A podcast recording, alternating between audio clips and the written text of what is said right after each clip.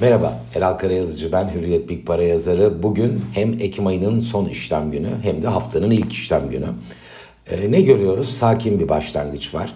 Ee, bu yeni haftanın ilk fiyatlamasından önce geçen haftayı hatırlayalım dersek borsa endekslerinde ortalama %4 kadar bir değer artışına şahit olduk ki Ekim bütününde de aslında ilk hafta yatay dengelenmiş o Eylül'ün ikinci yarısındaki keskin düşüşü takiben rotayı yukarıya çevirmeye çalışan borsa endeksleri görmüştük.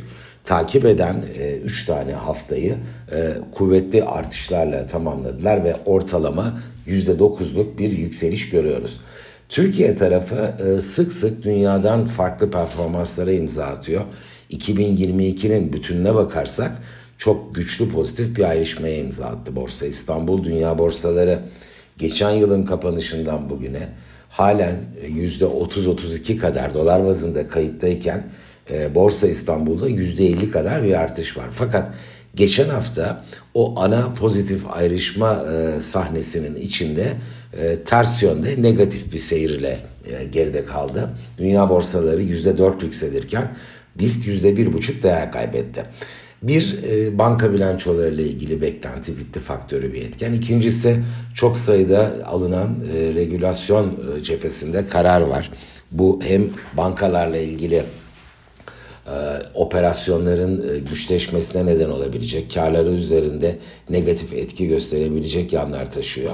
Hem de sanayi sektöründe o kredi piyasasındaki akışkanlık üzerinde tehditler oluşturuyor. Fakat bu geçen haftanın negatif ayrışmasına bakıp e, Türkiye'de e, ekonomiyle ilgili artan riskler borsayı ayrıştırdı dersek yanlış olur.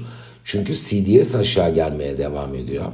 E, Eurobond piyasası yani Türkiye'nin dış borçlanma e, tahvillerinin ikincil piyasada gördüğü işlemler e, büyük ölçüde yurt dışındaki risk alma iştahıyla bağlantılı, global ana trendle bağlantılı gidiyor ve yüzde altı ortalama Türk Eurobondlarının dolar bazında fiyatı yukarı gitti.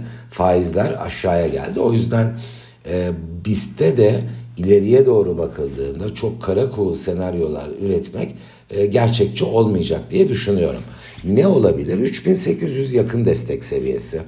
Bunun altında 3550 puan civarı e, kuvvetli bir destek ve olur da 3878 puanla geçen haftayı noktalayan BIST 100 endeksi bu 3550 puan civarına gerilecek olursa e, bence e, riskler görece düşük, fırsatlar daha baskın diyebiliriz.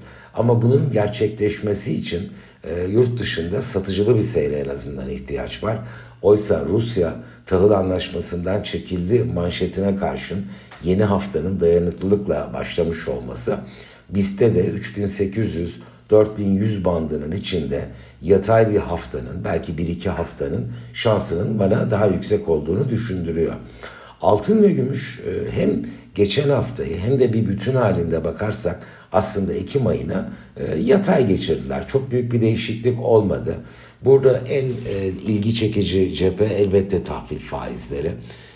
Ekim ayının ilk 3 haftasında çok kuvvetli artışlar görmüştük. Amerikan tahvil faizleri liderliğinde global faizler ortalama 40 bas puan kadar yukarıya gitmişti. Geçen hafta bu terse döndü ve kuvvetli alımlar gördük. Çünkü tahvil piyasasında ikincil cephede işlemlerde alım geldiğinde fiyat yukarı gittiğinde faiz aşağı geliyor. Zaten Türk Eurobond'una da e, iyi performans sağlayan geçen hafta bu faktördü. E, burada Fed bekleniyor ve tahvil faizlerinin seyri Fed'in 2 Kasım çarşamba günü Türkiye saatiyle 21'de alacağı karar 21.30'da Başkan Powell'ın basın konferansında vereceği mesajlar hem faiz oranları hem de altın ve gümüşün seyri üzerinde etkili olmaya aday.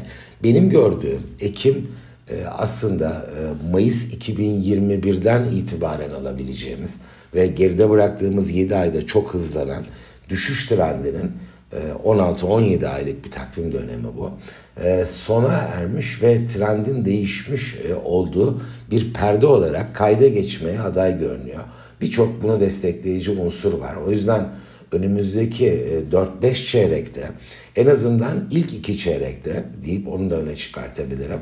Varlık piyasalarında buna altın ve gümüş de dahil borsa endeksleri keza içinde iki yukarı bir aşağı bir ritimle e, olumlu bir seyrin e, gerçekleşmesinin şansını ben daha yüksek buluyorum. Euro dolar paritesinde birin altındayız fakat teknik olarak o e, 7 aydır devam eden ana düşüş trendinin üzerine çıkmış olması e, ritmik açıdan destekleyici ve bunun da genel risk iştahıyla ilgili olumlu bir sinyal olarak okunması e, mümkün. Döviz tarafı Türkiye'de çok sakin geçti. Dolar TL neredeyse stabil 18.60 civarında kaldı. Kasım Aralık parkurunda bu şekilde devam eder mi? Burada da e, yurt içi yerleşiklerin özellikle de bireysellerin e, bu kur korumalı mevduatta devam edip etmeme veya tasarruflarda o cepheye yönelip yönelmeme kararı etkili olacak. Eğer bir parça döviz kurlarına alıştık refleksiyle yereller alış tarafında kendini daha çok hissettirirse e, geride kalan 2-3 ayla kıyasladığımızda e, enflasyonun döviz kurlarına daha yansıma bulduğu bir perdeyle karşılaşmamız yılın son iki ayında çok büyük bir sürpriz olmayacak.